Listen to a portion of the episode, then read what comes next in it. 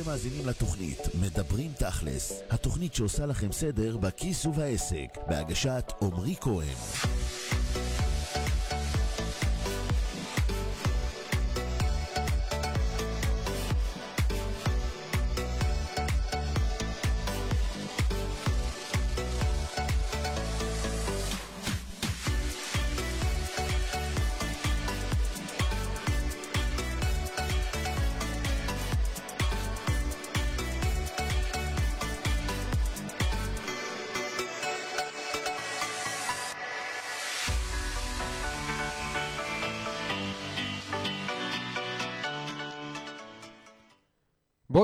לכולם, מה שלומכם? יום ראשון, שבוע חדש, קצת אחרי 11 בבוקר, ואנחנו בעוד פרק בתוכנית מדברים תכלס, התוכנית שעושה לכם סדר בעסק, בכסף ובראש. והיום אנחנו נמצאים בפעם השנייה, יש לומר, עם מר יובל אייזנמן, יוצר הפודקאסט, הנה הוא יגיד לנו את שמו. שיעורים על הצלחה. שיעורים על הצלחה עם יובל אייזנמן, גם ביוטיוב, גם בספוטיפיי, נכון? מעולה. ובעצם יובל היה כאן כבר באחת התוכניות הקודמות. אה, יובל בעצם, אה, יש לו פודקאסט שנועד לחבר'ה צעירים, בין אם זה לפני צבא, בין אם אחרי צבא, שמחפשים כיוון בחיים. הולכים לתכנן את שנת 2022, וכל אחד פה יכול לעשות את זה בעצמו, בבית, עם דף ועט, כדי להפוך את השנה הזו לשנה הכי טובה בחיים שלך. יאללה, אז אנחנו בענייני 2022, אנחנו היום נמצאים ב-26 בדצמבר 2021, אנחנו ממש חמישה ימים לפני תחילת שנה לועזית חדשה, וזה באמת הרבה זמן שבו אנשים מציבים יעדים, חושבים על מה הם רוצים להשיג, ואז הולכים את הכל עד סוף ינואר, ולא עושים כלום, וככה השנים שלהן אה, ממשיכות להיראות אותו הדבר, בואו נודה באמת, זה רוב האנשים. אז אנחנו לא רוצים שזה יקרה לכם. נכון, אנחנו- ובדיוק היום גם נדבר על זה, על בדיוק. העניין הזה של איך לא מעולה. להזניח את המטרות. אז לשם כך התכנסנו. אז אה, יאללה, שוט. מעולה, יאללה, עמרי, אז רק בהכי קצרה שיש, למה חשוב ומה המשמעות של מטרות ויעדים לשנה ובחיים בכללי? מעולה. אז קודם כל בוא נאמר שלא צריך להציב יעדים רק בשנה החדשה. אני יודע שזה בטבע שלנו קל אה, לבוא בהתחלה חדשה, בין אם זה שנה חדשה, חודש חדש, שבוע חדש, יום חדש. אנחנו פשוט אוהבים את זה יותר, כי יש לנו איזושהי תחושה שבלילה קורה קסם, ואז אנחנו משתנים, והכל מחר יהיה טוב יותר, או ביום ראשון, או מה שזה לא יהיה. אשכרה מחקרים בדקו את זה, וזה באמת נכון. אה, לא נכון העובדה הזו, אלא נכון שאנחנו מרגישים את הדבר הזה, שום דבר לא משתנה ושום קסם לא מתחולל בתקופה הזו, אבל זה נותן תחושה לאנשים של משהו חדש, ואנחנו אוהבים את החדש הזה. לכן, אגב, בשנה החדשה זה נהיה טרנדי כזה ו- וסקסי, אפשר לומר, להציב יעדים. אה, אבל זה לא משהו שצריך לעשות רק פעם בשנה, אני באופן אישי עושה את זה כל יום, כל שבוע, כל חודש, כל רבעון, כל שנה, אה, כבר הרבה מאוד שנים. אז למה להציב יעדים שאלת? פשוט מאוד. המוח שלנו, ביולוגית, מתוכנת לטור ולחפש אחר הדברים שאנחנו מגדירים לו. אם אנחנו לא מגדירים לו, הוא טר אחרי הכל, הוא מחפש אחרי הכל. ואז אנחנו לא משיגים שום דבר, כי אנחנו פשוט מקבלים הכל. תחשוב שבעצם המוח מקבל הרבה מאוד מידע מהסביבה, והוא פשוט לא יודע על מה למקד את עצמו, כי אתה לא הגדרת לו מטרה או יעד, והוא אמור בעצם לסנן מכל הסביבה את מה שרלוונטי לך. יש ממש מערכת שהיא נקראת מערכת ההפעלה הרשתית, זה בעצם התפקיד שלה, לעזור לנו לסנן בין, בין מידע רלוונטי לבין מידע לא רלוונטי בסביבה. בגלל זה אגב אתה מכיר את זה למשל שאתה מחפש רכב חדש, אולי אתה קונה, ואז פתאום אתה רואה את הרכב הזה כל פעם, פתאום כאילו כל העולם קנה אותו, או למשל נשים, מישהי בהיריון, פתאום כל הנשים בהיריון, או השם שלך בהמולה. אתה לא שומע כלום, אבל פתאום מישהו אומר את השם שלך ואתה שומע? לגמרי. המוח יודע לעשות את הסינון הזה. יש ממש חלק במוח שעושה את הסינון הזה בין מה שרלוונטי לנו לבין מה שלא. עכשיו, כדי להגדיר ולתכנן את החלק הזה, כדי שיכוון אותנו למה שרלוונטי לנו, אנחנו כמו בווייז, צריכים להגדיר לו מטרה, צריכים להגדיר לו יעד. אחרת, הוא פשוט זורק עלינו הכל. מהמם. וזו הסיבה שבגללה צריך להציב יעדים, כדי להיחשף להזדמנויות מהסביבה שיכולות לעזור לנו להשיג את היעדים שאנחנו הגדרנו. אחרת אנחנו נקבל פשוט 1% מזה. 1% אחרת. לא תקבל כלום, בדיוק, זה השורה התחתונה, תקבל פשוט את הכל מהכל. כשאתה מציב מטרה, אתה אומר למוח בעצם, תקשיב, זה מה שאני רוצה, כל מה שרלוונטי לעניין הזה, שדר אליי. כל מה שלא, לא מעניין. ולכן קריטי להציב מטרות, קריטי להציב יעדים, זו תכלס, זה השלב הראשון והדרך היחידה באמת להשיג משהו בחיים. אם אתה לא מציב מטרה או יעד, איך תשיג משהו? אוקיי, מגניב. אז כמה מטרות ויעדים בעצם אני רוצה שיהיה לי? כי אני מבין, אוקיי, אני צריך להתמקד, אבל זה חייב להיות דבר אחד, או שזה יכול להיות עשר? מעולה. אז למשל ברמה של השנה הקרובה. מעולה. אז תראה, יש הרבה שיטות, למשל, אה, אחת השיטות הפופולריות של אה, וורן באפט, למשל, אה, פעם מספרים על איזו שיחה שהייתה לו עם טייס, שהטייס בא אליו ואמר לו, תגיד איך אתה מציב יעדים? אז הוא אמר לו, בוא, תרשום 25 דברים שאתה רוצה להשיג השנה, ואחרי שהטייס רשם אותם, אז הוא אמר לו, יופי, עכשיו תבחר 20 שאתה מוותר עליהם.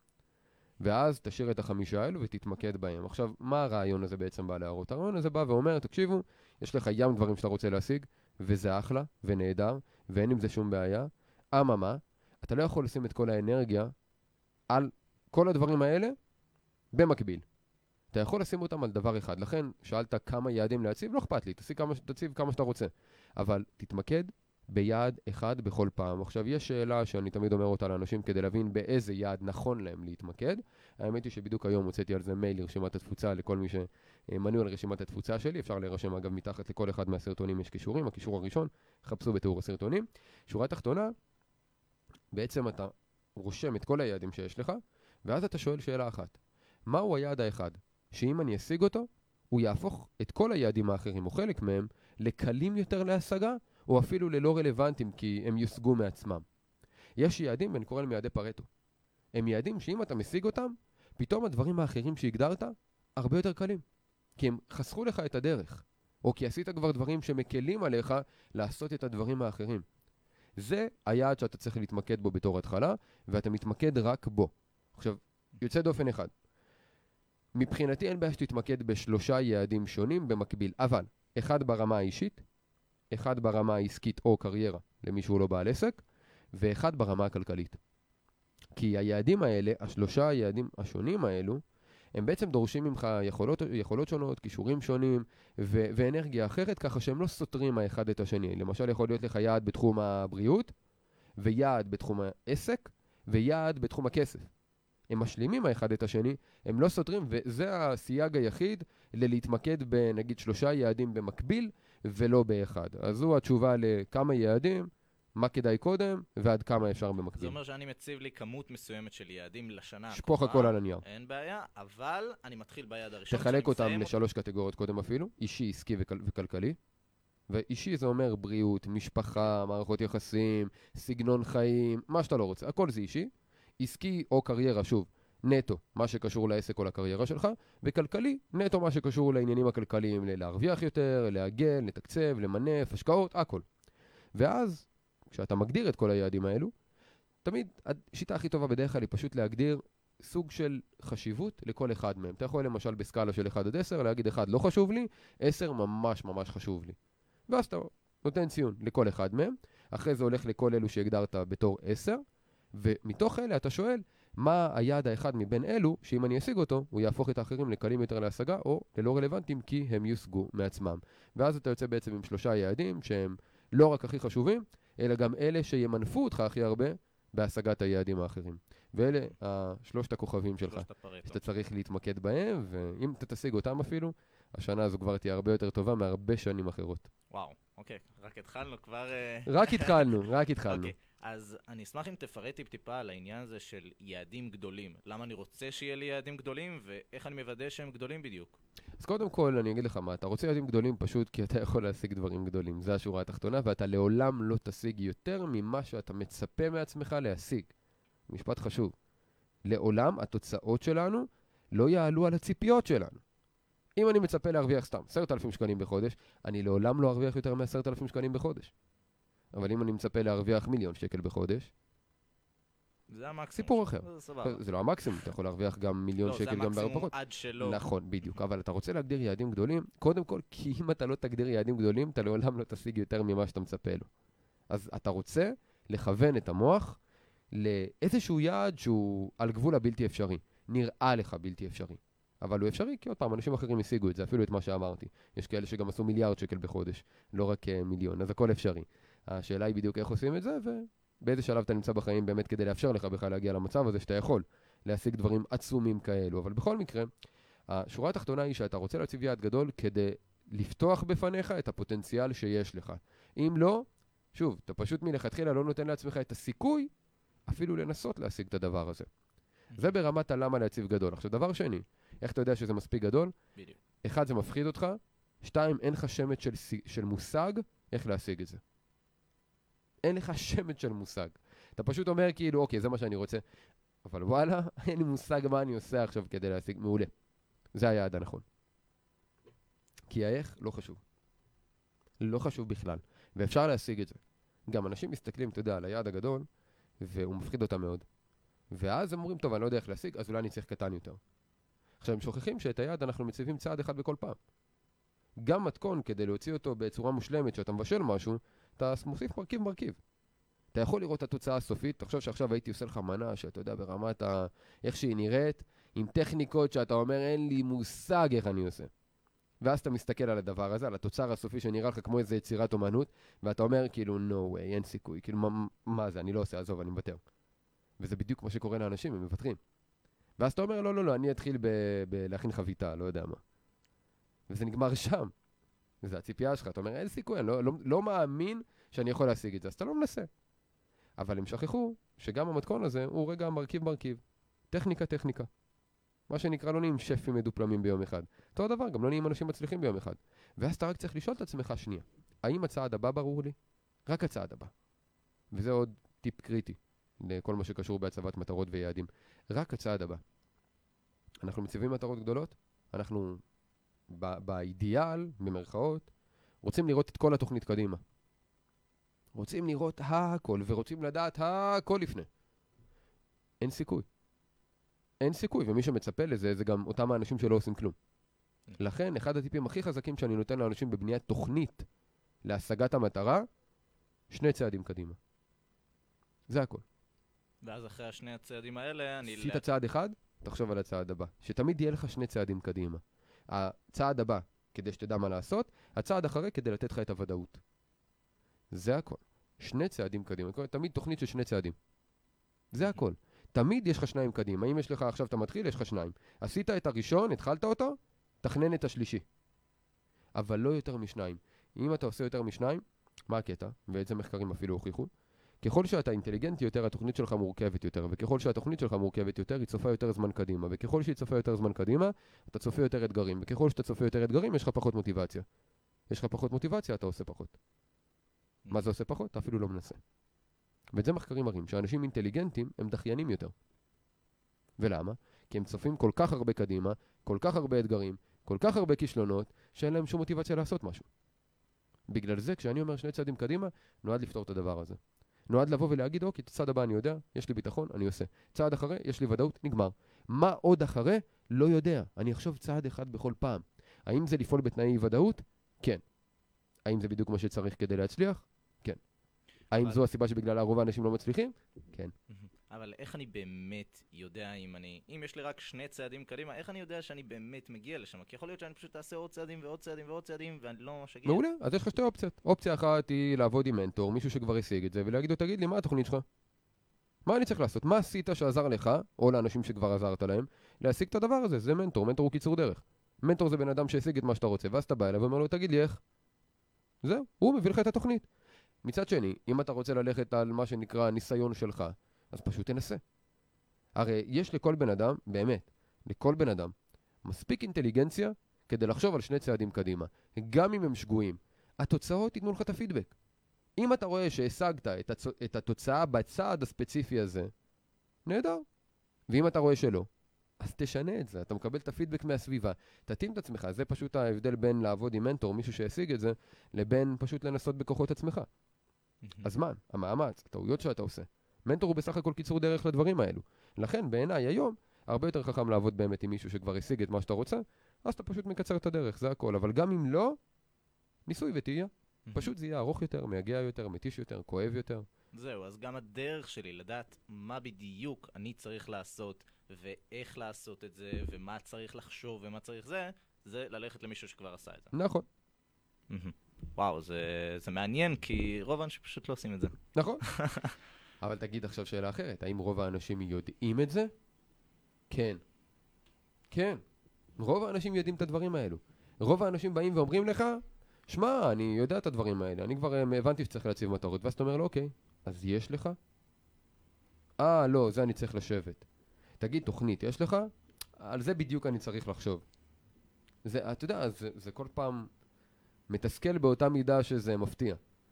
כמה אין סודות, כמה כולם כבר יודעים הכל, וכמה זה לא הידע שמשנה את החיים, אלא מה שאנחנו עושים איתו. ולכן היום באמת הקושי של הרבה מאוד אנשים, זה פשוט לעשות את מה שהם יודעים. זה הכל. אין פה משהו חדש. במה שאנחנו אומרים, אתה יודע, אולי בסדר. אני נותן לכם שאלות מדויקות יותר, אני נותן לכם דברים שבאמת אולי מחדשים לכם, סבבה. אבל 99% מהאנשים שעכשיו רואים אותנו ומקשיבים לנו, אשכרה לא יעשו עם זה כלום. אוקיי, אז בואו ננסה קצת אה, לנטרל את זה. אם יש לך, עכשיו דיברנו ברמת ה mindset וקצת מה צריך לחשוב. למרות שמה שאמרתי, אגב, לא. כן מנטרל טיפה, העניין הזה של ה- המטרה, קודם כל, שאתה מציב לעצמך ויודע מה אתה רוצה עם הסינון של מה שאמרתי, כי הרבה פעמים אנשים לא עושים דברים כי הם מוצפים במטרות, אז הם לא יודעים מה קודם. אז התרגיל שנתתי עוזר לך קודם למקד את עצמך, נותן לך בהירות. הדבר השני שאמרתי לעניין תוכנית שני צעדים קדימה, מנטרל את ה-analysis paralysis, את כל העניין הזה של השיתוק מעודף נתונים. מהמם. זאת אומרת, הסיסטם הזה, הפשוט הזה שהבאתי לך, מנטרל כבר הרבה, הרבה כישלונות שאמורים להיות בדרך. זאת אומרת, מי שיפעל לפי זה, כבר יגדיל את הסיכוי שלו פלאים להשיג את המטרות שלו. אבל עדיין יש עוד אלמנט אחד, שאתה חייב להוסיף אותו למשוואה הזאת, בוא נקרא לזה ככה. והאלמנט הזה הוא להיות בהיר ברמה משוגעת של מה שאתה רוצה להשיג.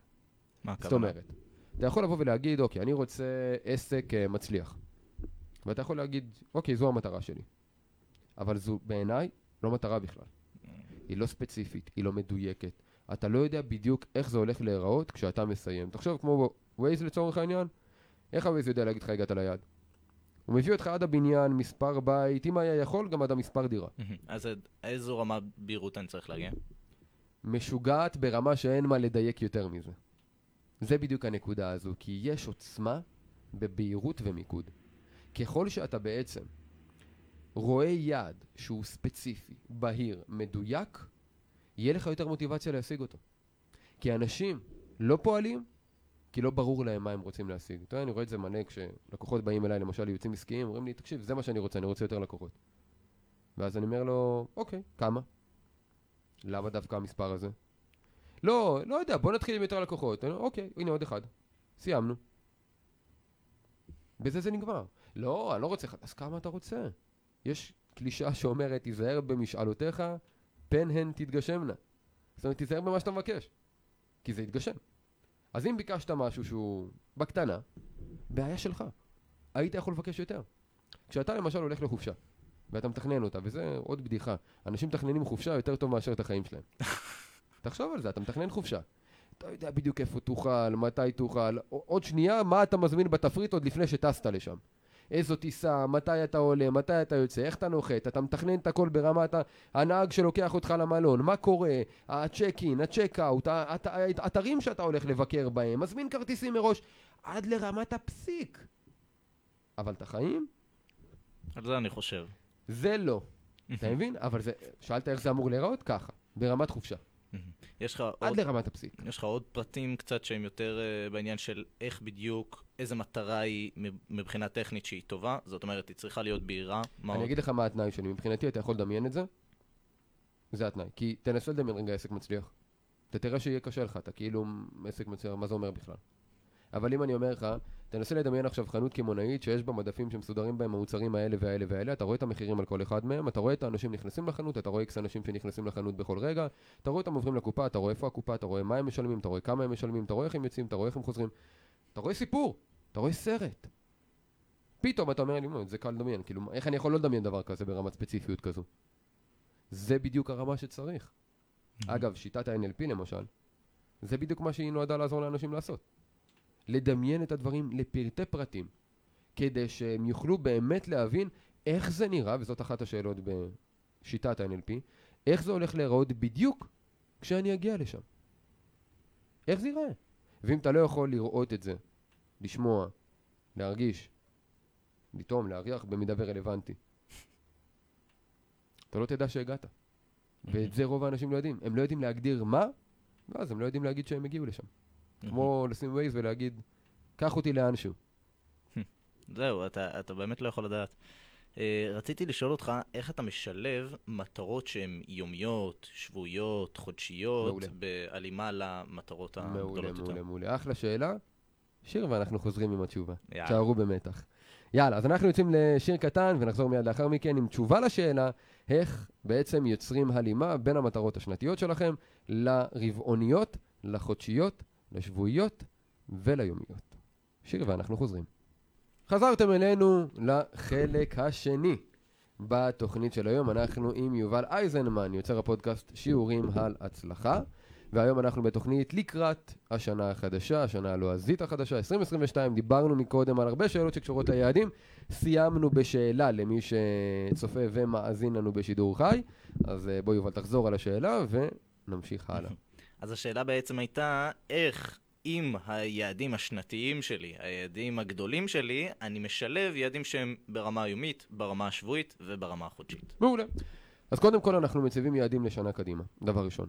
אני לא בעד הצבת יעדים לכמה שנים קדימה, אני חושב שזה גדול מדי, אני חושב שזה לא באמת מקדם אותנו, אני חושב שזה אפילו מכניס אותנו לשיתוק מסוים, ואני ממש אנטי. אני לא עושה את זה באופן אישי, אלא אם כן, זה, אתה יודע, נותן לי כיוון מאוד גדול, אבל אני עוצר בכיוון המאוד בזה. גדול. לא הופך את זה לספציפי, כמו שדיברתי על זה קודם, ממש לא, זה לא, לא, לא הכיוון. אני, אבל את היעדים לשנה, אני מציב בצורה מאוד מאוד מאוד ספציפית. ברגע שאני עושה את זה, אני מחלק קודם כל את היעד הגדול הזה, בואו בוא נגיד ומדובר ביעד אחד לשנה קדימה, מה שאני עושה דבר ראשון, אני מחלק אותו לארבעה יעדים קטנים יותר. יעד לכל רבעון. יעד לכל שלושה חודשים. עכשיו, מה הסדר של הדברים? הגיוני, אתה יודע, זה כמו לקחת, אה, לא יודע, אה, יעד של אה, מרתון, ולהגיד אוקיי, אז המרתון זה 42.2, אז לפני זה זה יהיה נגיד חצי מרתון, נגיד 21.1, לפני זה זה יהיה 10 קילומטר, ולפני זה זה יהיה 5 קילומטרים. אני מחלק את זה לארבעה יעדים כאלו, שבעצם זה היעד, זאת התוצאה שאני רוצה להגיע אליה בסוף הרבעון. זאת אומרת, למשל פה, אחרי שלושה חודשים חמישה קילומטרים, אחרי שלושה חודשים עשרה קילומטרים, אחרי שלושה חודשים חצי מרתון, אחרי שלושה חודשים סיימתי מרתון, הנה היעד השנתי. עכשיו, את היעד הרבעוני אני מחלק ל-12. למה? רבעון שלושה חודשים, בכל חודש יש לי ארבעה שבועות, הופך את זה ליעד שבועי. לוקח למשל את החמישה קילומטרים, ובונה תוכנית של 12 שבועות, שבסופה אני אהיה מסוגל לרוץ חמישה קילומטרים. ואז, מדי שבוע, לוקח את היעד השבועי, ומפרק אותו ליעד יומי. יומי. אם למשל ביעד השבועי, נגיד ויש לי ריצה של סתם אני זורק קילומטר, ואני עושה שלושה אימונים באותו שבוע, אז אני אומר לעצמי, אוקיי, פה אני ארוץ, סתם דוגמה, 500 מטר, פה אני ארוץ 750, פה אני ארוץ קילומטר. ואז אני מחלק את זה לביסים מאוד מאוד קטנים וקלים לעיכול. עכשיו, תחשוב על המרתון, ואז תגיד, מה שנקרא, עזוב אותי, אין סיכוי. לעומת, בהמשך למה שאמרנו קודם, עם השני צעדים קדימה, סבבה, בשני האימונים הקרובים אני רץ 500 מטר, 750 מטר. עכשיו תגיד לי אוטומטית, למה יש לך יותר מוטיבציה? למה נראה לך שיש לך יותר סיכוי להצליח? אתה לא חושב על המרתון. זו עוד נקודה. אולי לשאלה אחרת, אבל הרבה אנשים בעצם אומרים לי, רגע, אז אני מציב יעדים, ויש הרבה שיטות באמת לרשום את היעד כל יום, ולהיזכר בו, ולוח חזון, וכל הדברים האלו. תכלס, אני אומר לך, אני לא משתמש באף אחת מהם.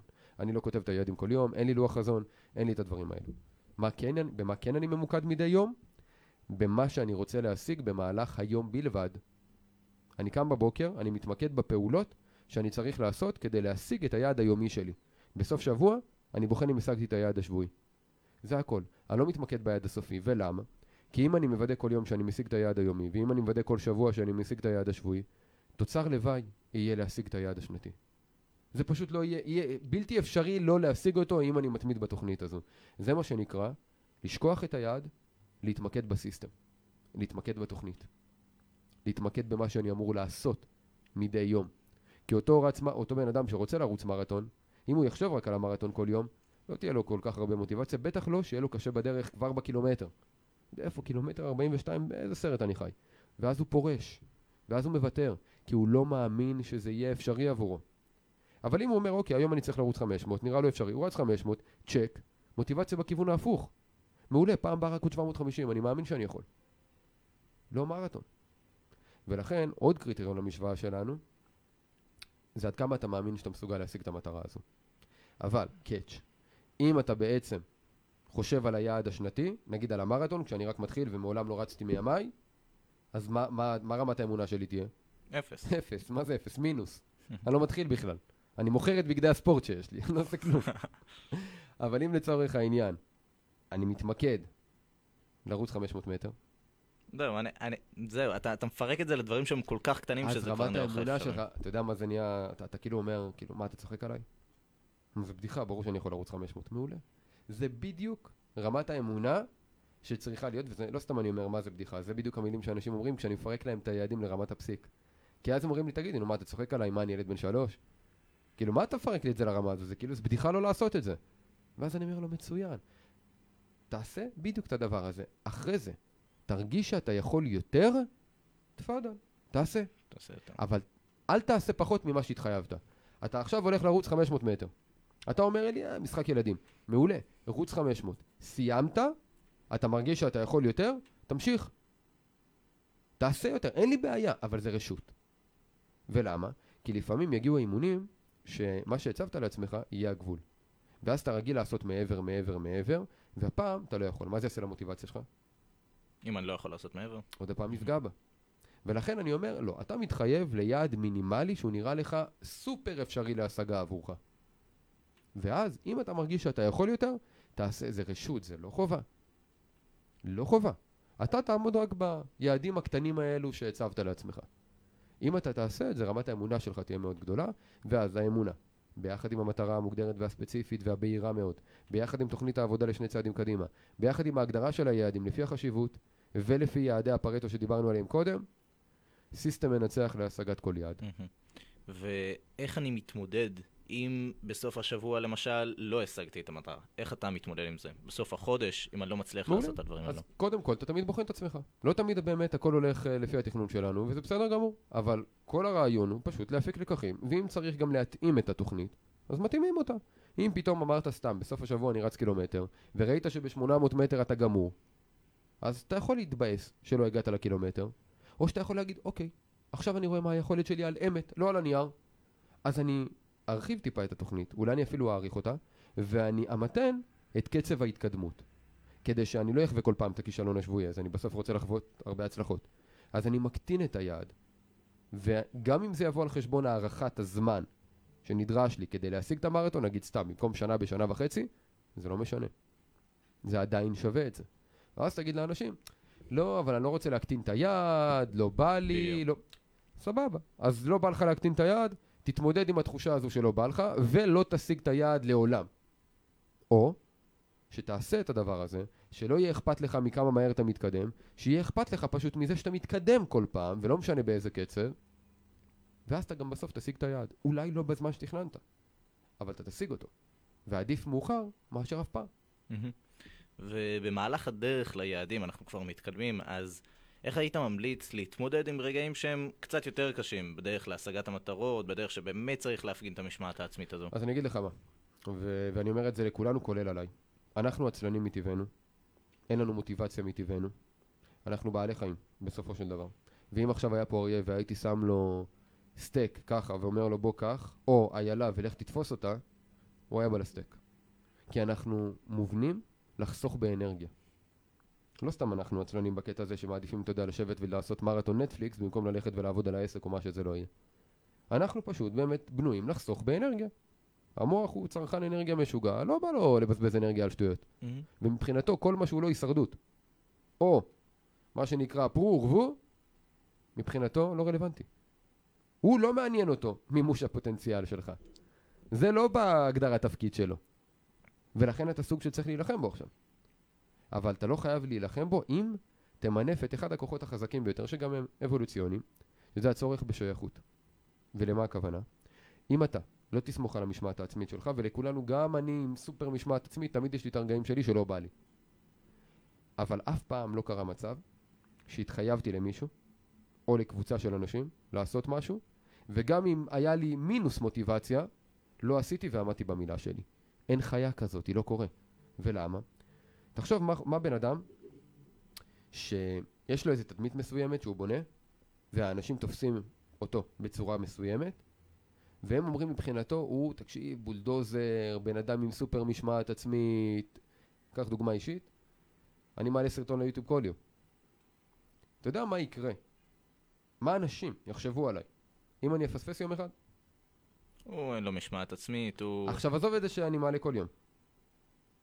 נכון? לא מתחשבים, עכשיו בוא נגיד ה... ולא בא לי. לא, לא בא לי היום להעלות סרטון. תחשוב איזה כוח יש לי. כל מה שאנשים יחשבו עליי, הם כי, הרי אתה גם מקבל מלא פידבקים, בוא'נה איזה משמעת עצמית יש לך, איזה יכולת התמדה, אתה עושה את זה כבר מעל שלוש שנים. וואו! אתה לא רוצה לאבד את הקרדיט שקיבלת, נכון? מחיר גדול מדי. ואגב, מחיר השינוי. תמיד אתה שואל, רגע, יש לי לעשות סרטון, ויש לי בצד השני, מה אני מפסיד? פה אני מפסיד תדמית. מפסיד קרדיט. וזה לא אני מול עצמי. כי את המילה שלנו מול עצמנו, מאוד קל לשבור. אבל את המילה שלי, מול עשרות אלפי אנשים שעוקבים אחריי, הרבה יותר קשה. כי אני התחייבתי לעשות סרטון כל יום, חוץ משבתות וחגים. אז יכולה, אתה יודע, להיות לי אפס מוטיבציה, אין סיכוי שאני לא אעשה. אז בעצם אם אני רוצה, עכשיו הצבתי את המטרה, עשיתי את כל השלבים, תתחייב. השלב הבא הוא להתחייב, לרשום... עדיף להיות, ב, ב, או, אתה יודע, אם אתה בסביבה של אנשים שאתה פשוט הולך לשם בשביל להציב את היעדים שלך, ואתה מספר להם, ואתה משיג את היעדים שלך יחד איתם, סטייל, אתה יודע, אתה פשוט היית בסמינר האחרון שלנו, סטייל מועדון היזמים, שזה בין היתר למה אנחנו עושים קבוצה, אז אין סיכוי שלא תשיג. כי כל פעם, כל אחד יגיד מה הוא עשה, מה ההתקדמות, מה היעד הבא שלו, אתה מתחייב. מה שמניע אותך זה כבר לא אתה לעצמך. זה אתה עם עוד עשרות של אנשים שנמצאים שם, ומצד אחד יסתכלו עליך בתור עילוי, אם אתה עושה ומתקדם, ומצד שני יסתכלו עליך בתור מי זה המאפן הזה. זה שרק מדבר ולא עושה. עכשיו אני אגיד לך מה קורה, שתי אופציות. אופציה אחת של האנשים, בוא נגיד ובן אדם עושה, מה יהיה לו מוטיבציה? לעשות הרבה יותר. הוא אוהב את זה. בריא לאגו. הוא אוהב את הפרגונים האלו. הוא יעשה עוד יותר. מצד שני, הבן אדם שלא עושה, למרות הסביבה, אתה יודע מה יקרה לו? הוא פשוט יפסיק להגיע. הוא יפסיק Mm. להגיע. אתה מכיר בן אדם כזה שימשיך להתעלל בעצמו, שהוא מגיע לשם וכולם מסתכלים עליו בתור זה שלא עושה כלום? בגלל זה יש שתי אופציות. או שאתה תדחוף את עצמך להישאר בסביבה הזו ואתה תתקדם ותתחיל לעשות, או שאתה תצא מהסביבה הזו. וכשיש סביבה שמחייבת אותך להיות בה, לא סתם בנינו את התוכנית הזו לשנה קדימה, ולא לחודש קדימה, מהמם. כי כשיש סביבה שמחייבת אותך, אז יש שתי אופציות. או שאתה ווינר, או שאתה לוזר. על כל המשתמע מכך. מהמם. ולהיות ווינר דוחף אותך, בטח בקבוצה של ווינרים, ומלהיות לוזר אתה רוצה להימנע. והדרך היחידה להימנע היא לעשות. אז בוא נשאל אותך שאלה, דיברנו קודם על גם להשיג אה, אנשים שהם יותר גדולים ממני, מנטורים, אנשים שיקדמו אותי, גם מהמם. עכשיו אנחנו מדברים על הסביבה הזו, אבל המון אנשים עכשיו יגידו לנו, תשמע, אני רוצה לעשות כך וכך, איפה אני אמצא עכשיו אנשים, איך אני אגרום להם שבאמת ירצו להיות איתי, איך אתה פותר את הבעיה הזו? תראה, קודם כל, האופציה הכי פשוטה היא לשלם להם. יש הרבה אנשים שיעזרו לך בתשלום להשיג את מה שאתה רוצה, זה העבודה שלהם. מאמנים, יועצים, מנטורים, לא משנה מה. אופציה אחת, הכי פחות מה שנקרא יצירתית, אבל לשלם להם, זה עבודה של אנשים. אתה יכול לעבוד עם מי שאתה רוצה, יש לך מספיק כסף, מעולה, אתה יכול לעבוד עם הבן אדם הכי טוב בעולם. זה אופציה אחת. אופציה מספר 2 היא לעבוד עבור האנשים האלה אפילו ללא עלות. להצטרף לדברים שהם עושים, להגיד להם, תקשיב, אני רואה שאתה צריך עזרה פה, אני אעזור לך בחינם, אני רוצה רק בתמורה, שב איתי, לא יודע, שעה בשבוע, תעזור לי להשיג את מה שאני רוצה. במקום לשלם לי על העבודה, פשוט תן לי חניכה, תן לי מנטורינג. זה אופציה שנייה. ואופציה שלישית היא לפתוח פודקאסט או ערוץ יוטיוב ולראיין את האנשים האלה. עכשיו נכון שאתה יודע, זה, יש לך את מסגרת הראיון או הפודקאסט, נגיד של שעה, לשבת ולדבר עם הבן אדם. אבל מה שקורה הוא שאתה יוצר קשרים אישיים עם הבן אדם. ואז אתה יכול פשוט לשלוח לו מייל, תגיד, מה, מה העניינים, מה קורה? אגב, פרסמתי את התוכן שלנו, אני רואה את הפידבקים של האנשים, מאוד אהבו. תגיד, יש מצב שאני אשאל אותך שאלה קטנה שקשורה אליי ברמה האישית? ואז אתה תגלה שאנשים ירצו להחזיר לך בחזרה. ואז זה פותח לך את הפתח להתייעץ איתם. נכון, זה לא משהו מובנה, זה לא שיטתי, גם צריך להיות בטע, בטוב טעם, כי אחרת אתה יודע, זה, זה יעמיס עליהם יותר מדי ומה שנקרא יסננו אותך, כי הם לא, הם לא מרוויחים מזה לצורך העניין איזשהו משהו. מצד שני, אתה יכול בסוף ליצור קשרים מאוד טובים עם אנשים שיעזרו לך רק כי הם רוצים לגמול לך על מה שאתה עשית עבורם. מהמם. ואלה שלוש האופציות שבעיניי הן הכי טובות. אז אמרנו, אחד, או לשלם, שתיים, או פשוט לעזור ובתמורה לשכר לקבל פשוט mentoring או מה שזה לא יהיה, אבל חשוב גם להבין מה הבן אדם צריך. זאת אומרת, במקום לבוא ולהגיד לבן אדם, שמע, ראיתי שאתה צריך את זה ואת זה, כי אתה לא יודע הרי מה הבן אדם צריך, פשוט שלחו מייל לבן אדם, תגידו לו, תקשיב, אני עוקב אחריך, אני רוצה ללמוד ממך, אני לא יודע מה, איזו עזרה אתה צריך, כי אני לא, לא מעורב ב- בעסקים שלך או במה שאתה עושה. מצד שני, אני הייתי שמח להגיד לך מה הכישורים שלי, כדי שתראה אם אני יכול להועיל לך בדרך כזו או אחרת, לא תמורת שכר, אלא תמורת מנטורינג כזה או אחר בקונספט שנחליט עליו. אם זה נשמע לך כמו משהו מעניין, אני אשמח לספר לך, וכדי שנבחן את שיתוף הפעולה הזה. יאללה חבר'ה, יש לכם פה איזה הנמגה הכל. של כסף. הכי פשוט שיש, באמת, לשלוח, אני יכול להגיד לך שאני מקבל מיילים כאלה על בסיס יומיומי. כל יום אני מקבל הודעות כאלה, יש לי רשימה, אתה יודע, אם הייתי רוצה לחנוך אנשים בצורה הזו, היה לי פה צי של אנשים. באמת, כל יום אני מקבל דברים כאלה. אנשים שרוצים לפתוח לי אינסטגרם או טיק טוק, אתה יודע, מלא שטויות. מלא, כל יום, כל יום, כל יום. עכשיו, אני לא לוקח כל אחד, כי בסוף זה גם זמן שלי, אתה יודע, בסוף זה להשקיע. אבל לפעמים, אם אני צריך, אז אני עושה איזשהו משהו בקטנה. ואז אני יודע לעזור לבן אדם בצורה ספציפית, הוא נותן לי את הערך שלו, ווין ווין, הכל יוצא טוב. ויש אגב עוד אופציה, פה אני אספר משהו ברמה האישית. יש בחור שעוקב אחריי אה, ביוטיוב, והוא עוקב תקופה, הוא פשוט יש לו אולפן הקלטות. והוא עושה את כל הג'ינגלים העסקיים האלה עם השירים וכל הדברים. ואז היה לי דבר כזה, אבל הוא שלח לי ואמר לי, תקשיב, אני, אני עושה את הדברים האלו, ואני אשמח uh, לעשות לך ללא עלות, זה עולה סדר גודל של איזה אלף או אלפיים שקל, משהו כזה. אני אשמח לעשות לך את זה ללא עלות, רק בגלל כל הערך שקיבלתי עד עכשיו מה, מהיוטיוב, אני מרגיש שקיבלתי ים, ואני פשוט רוצה לגמול לך, ו- וזה מה שאני יכול לעשות עבורך. עכשיו, אני במקרה באותו זמן רציתי להחליף. אמרתי לו, יודע מה? מעריך את זה, יאללה. הוא עשה לי. נתן לי עבודה, שירות מצוין.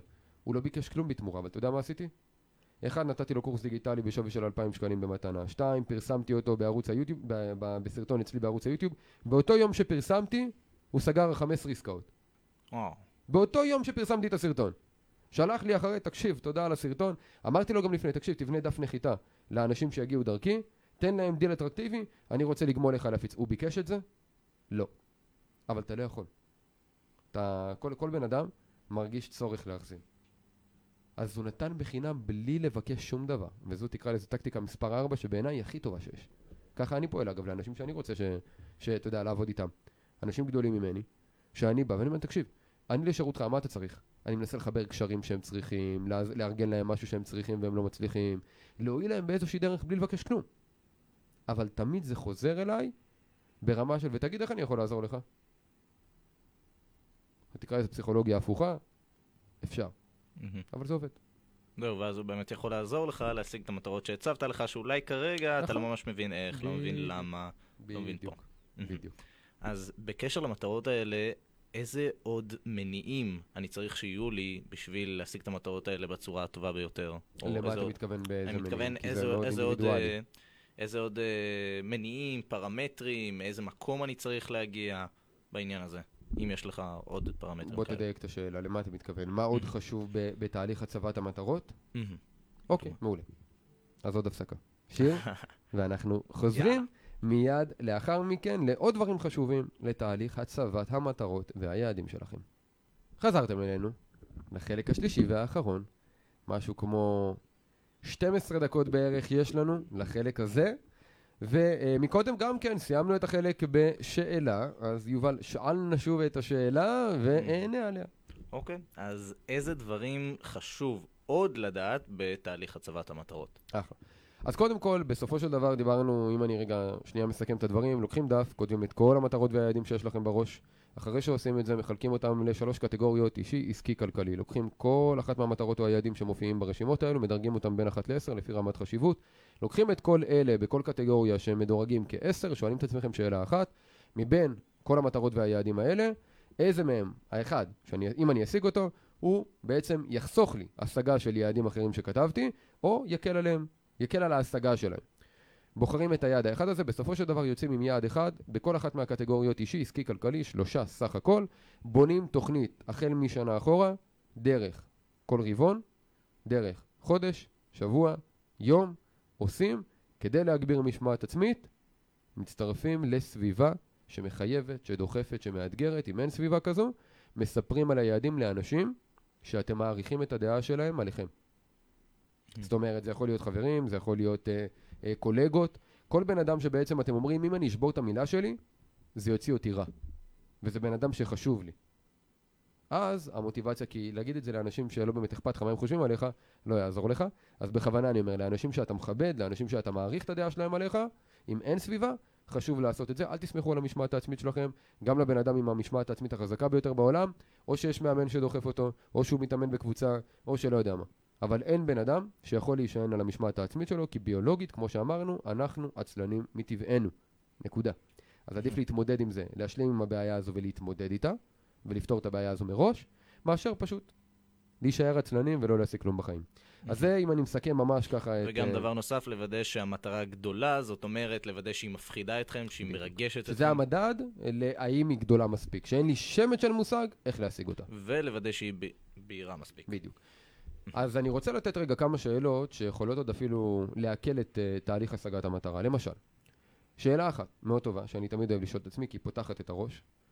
אם זה היה הדבר הכי קל בעולם, מה הייתי צריך לעשות כדי להשיג את זה? ולמה? תמיד הדברים נראים לנו מאוד מסובכים, מאוד קשים. ואנחנו גם אוהבים ללכת סחור סחור סביב עצמנו ולהוסיף לנו מלא משימות באמצע כדי להשיג את המטרה. אנחנו אלופים בלהיות עסוקים. ולכן אני תמיד אומר, אם עכשיו זה היה הדבר הכי קל בעולם, מה הדבר האחד או השניים שאם הייתי עושה, זהו, הייתי משיג את זה. עכשיו, עזוב מגבלות. כן, אבל זה לא אפשרי, כן, לא מעניין. אם זה היה הדבר הכי קל בעולם, אם היה הכי קל בעולם להשיג את זה, איך זה היה נראה? מה הייתי צריך לעשות? שאלה הזו פותחת כיווני חשיבה מאוד יצירתיים, מאוד טובים. עוד שאלה טובה שאני אוהב לשאול את עצמי, אם הייתי צריך להשיג את המטרה הזו מחר בבוקר, מה הייתי עושה? Mm, אתה פתאום כאילו, לא אפשרי, שנייה. תמיד אנשים יגידו לא אפשרי, לא יודע, לא סבבה. אם הייתי חייב, אם זה היה תלוי בחיים שלי, להשיג את זה מחר בבוקר, מה הייתי עושה? כי השאלות האלה מעלות את כל קיצורי הדרך שאתה לא חושב עליהם בשגרה. אז זו עוד שאלה טובה. אז אם זה הדבר הכי קל בעולם, מה, מה בעצם היו הפעולות הישירות להשיג את זה? שתיים, אם הייתי חייב להשיג את זה מחר בבוקר. עכשיו זה לא חייב להיות מחר בבוקר, אם היעד שלך הוא, הוא שנה, אם הייתי חייב להשיג את זה תוך 30 יום. אבל הרעיון הוא ליצור פער מאוד גדול בין מה ריאלי לבין מה לא הגיוני. כי ברגע שהשאלה לא הגיונית, אז נפתחות דרכי חשיבה חדשות. וגם, עוד דבר. אתה לא חייב בדיוק, אה, שנייה לפני זה, אתה לא חייב בדיוק להבין איך אתה עושה את זה מחר בבוקר, אבל זה. יעלה איזה משהו ש... בדיוק. זה הרעיון, הרעיון הוא לגרות את הדברים שאתה לא מסוגל לחשוב עליהם לבד. עוד דבר, אה, אתה לוקח את היעד שלך, אתה מכפיל אותו פי עשר, ואז אתה אומר, אם עכשיו את זה הייתי צריך להשיג, מה הייתי עושה? ולמה? כי לפעמים להשיג דברים בסקאלה הרבה יותר גבוהה, זה פותח בפנינו דרכי חשיבה, שוב, לא חשבנו עליהם קודם לכן, כי חשבנו קטן מדי. מהמם. ואז אתה יכול להש... בעצם לשאול מהדרכים האלו את הטקטיקות הטובות יותר בשביל להשיג את היעד שהוא הרבה יותר קטן, אבל עדיין גדול עבורך. אז זו גם שאלה מצוינת. אמ, בוא נחשוב על עוד שאלות טובות שאתה יכול לשאול. עוד שאלה שאני מאוד אוהב לשאול את עצמי, אם זה היה גם חייב להיות מהנה, איך הייתי עושה את זה? אני אוהב להכניס אלמנט של אה, משחק לתוך השגת היעדים. אז אם אני בעצם, אתה יודע, לא חייב לסבול. אז אני אומר, אם עכשיו הייתי חייב להכניס לזה אלמנט של fun, מה, איך הייתי עושה את זה אחרת? אבל אנשים פה יגידו, רגע, אם אני עושה את זה מהנה, זה לא נהיה קצת אחר, זה לא. רציני, אתן זה... לך דוגמה, דוגמה קטנה, לא קשורה אפילו ליעד. בתחילת הדרך עבדתי גם עם לקוחות שאתה יודע, בהתחלה אתה עובד עם כולם כדי להבין מי הלקוח האידיאלי שלך ומי לא, אז אתה בהתחלה עובד עם כולם, כל... בהתאם להגדרה שלך, כן, אבל לא, לא כולם כולם. זאת אומרת, ברמת האופי. אתה לא מסנן אנשים לפי אופי, אלא לפי צורך. אז אתה מדייק כמובן את הנישה ואת הבעיה, אבל אתה מושך את כל האנשים שיש להם את הבעיה הזו בלי להבחין למי באמת יש אופי שאתה אוהב לעבוד איתו ומי לא. אתה גם מגלה את זה רק תוך כדי תנועה. אתה חייב לעבוד עם אנשים כדי לדעת איזה, איזה לקוחות אתה אוהב לעבוד איתם, ואיזה לקוחות אתה מעדיף שלא, גם אם הם עונים לקהל היעד שלך. אז בהתחלה אתה עובד עם כל האנשים האלו, ואז אתה מגלה עם אלה אנשים אתה... לא כיף לך לעבוד. עם איזה אנשים אתה דווקא היית מעדיף אה, לשלוח למתחרים, מה שנקרא. ו...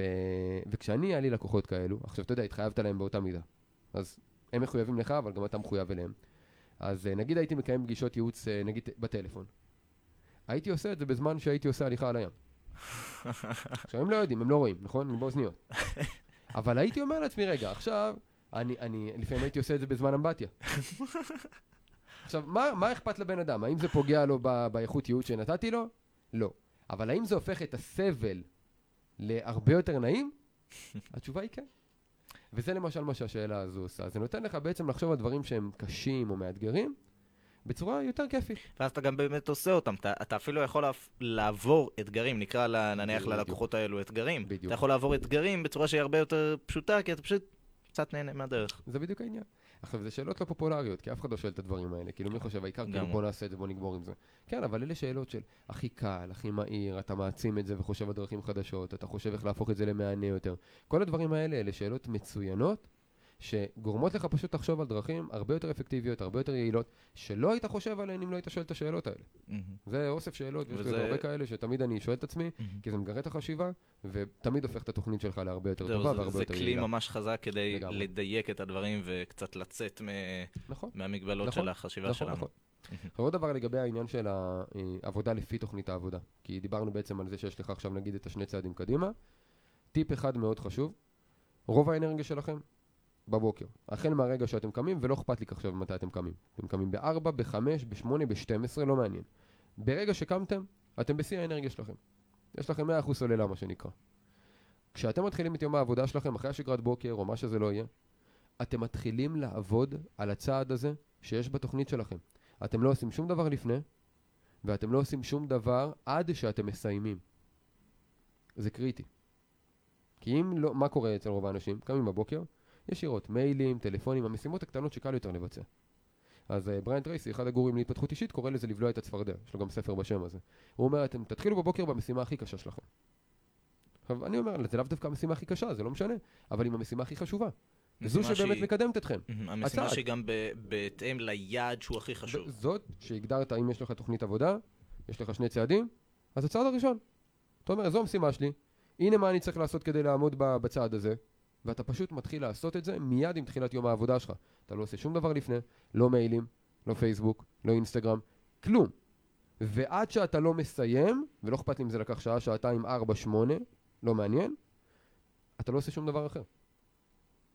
כשתסיים את זה, גם אם זה לקח לך שעה, כשתסיים את זה, אתה תרגיש, גם אם כל היום יהיה אחרי זה כיבוי שרפות ו- ולא פרודוקטיבי בעליל, אתה עדיין תלך לישון בתחושה שהשגת הרבה, ועובדתית התקדמת.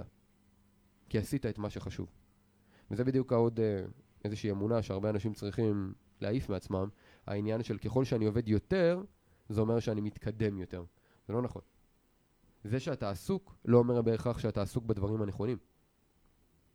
זה לא כזה חכם, במרכאות, לעבוד קשה ולהצליח יותר. החוכמה היא לעבוד חכם, והרבה פחות, בזמן שאתה מצליח הרבה הרבה הרבה הרבה הרבה יותר. ואתה יודע, בתור העובדה, תחשוב על האנשים שמצליחים, יש להם הכי הרבה זמן. אתה תמיד פונה אליהם, רגע, אפשר לראיין אותך, אפשר להזמין אותך, אפשר, בטח, תמיד. בא ביומן, אה, אני גמיש. איך? יש להם כל כך הרבה דברים, כל כך הרבה עסקים. איך הם מצליחים להיות כאלה פנויים? זה בדיוק החוכמה של לעבוד חכם ולא לעבוד קשה. היומן שלהם ריק. היומן של מי שעובדים אצלם מלא. מהמם. וזה לעבוד חכם ולא לעבוד קשה. וזה גם מה שצריך לעשות כדי להגיע להישגים מרשימים. ורק אה, שנייה לפני שאנחנו ככה נסיים את הפרק, הייתי רוצה לשאול אותך איזה טעויות אנשים, טעויות נפוצות שפשוט אנשים צריכים להימנע מהם בהצבת המטרות, בהשגת המטרות, טעויות נפוצות ש... מעולה. אז קודם כל אני אגיד את מה שאמרתי קודם, אם יפעלו לפי הסיסטם שהתוויתי בתוכנית הזו, הם יימנעו מלכתחילה מכל הטעויות האלה. עכשיו לגבי טעויות. אחד, מציבים מטרה לא ברורה. לא יודע בדיוק מה אני רוצה להשיג. חוסר בהירות שווה חוסר ביטחון, חוסר ביטחון שווה חוסר עשייה.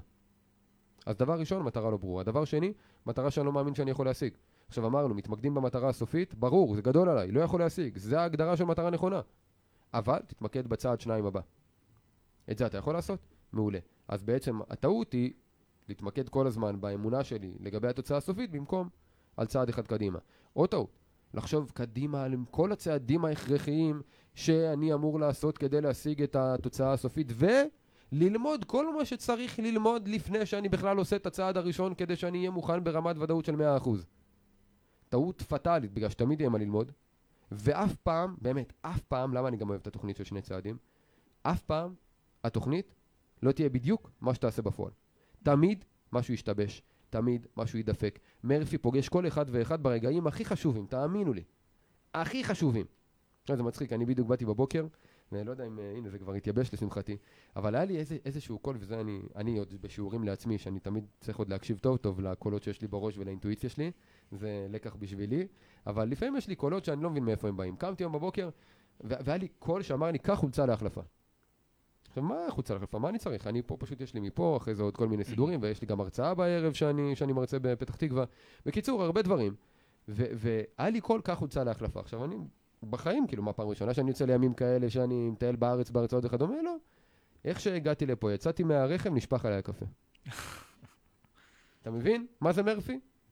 עכשיו, לשמחתי, הנה, זה התייבש, לא רואים את זה, הכל טוב. אבל תבין מה זה הקול הקטן הזה, שאומר בסוף, למה תתכונן לצעד הבא? למה רק הדברים האלו? ולמה גם תקשיב לאינטואיציה, וזה היה המסר של הסיפור הזה. תקשיבו לקול הפנימי שלכם. נכון, יש תוכניות. נכון, יש דברים. אבל לפעמים יש קולות, וזה שריר שצריך לפתח, במיוחד אנשים רציונליים כמוני, זה, אני שנים עובד על הדבר הזה. פשוט לא להתעלם מהקולות הקטנים האלו שיש לכם בראש, ושאתם יודעים שהם זורקים לכם כל מיני הערות שבהתחלה אתם מתעלמים, ואז בדיעבד אתם מבינים כמה היה נכון להקשיב להם. אז uh, עוד עצה היא פשוט uh, גם להקשיב לבטן, מה שנקרא. זה לקח שאני חטפתי עליו הרבה טעויות בחיים. אוקיי, עמרי. יאללה, יובל, היה נהדר, כרגיל. שמע, אני... מי שבאמת רושם את הדברים האלה ועבד וזה, השנה שלו הולכת להיות מטורפת. לחלוטין.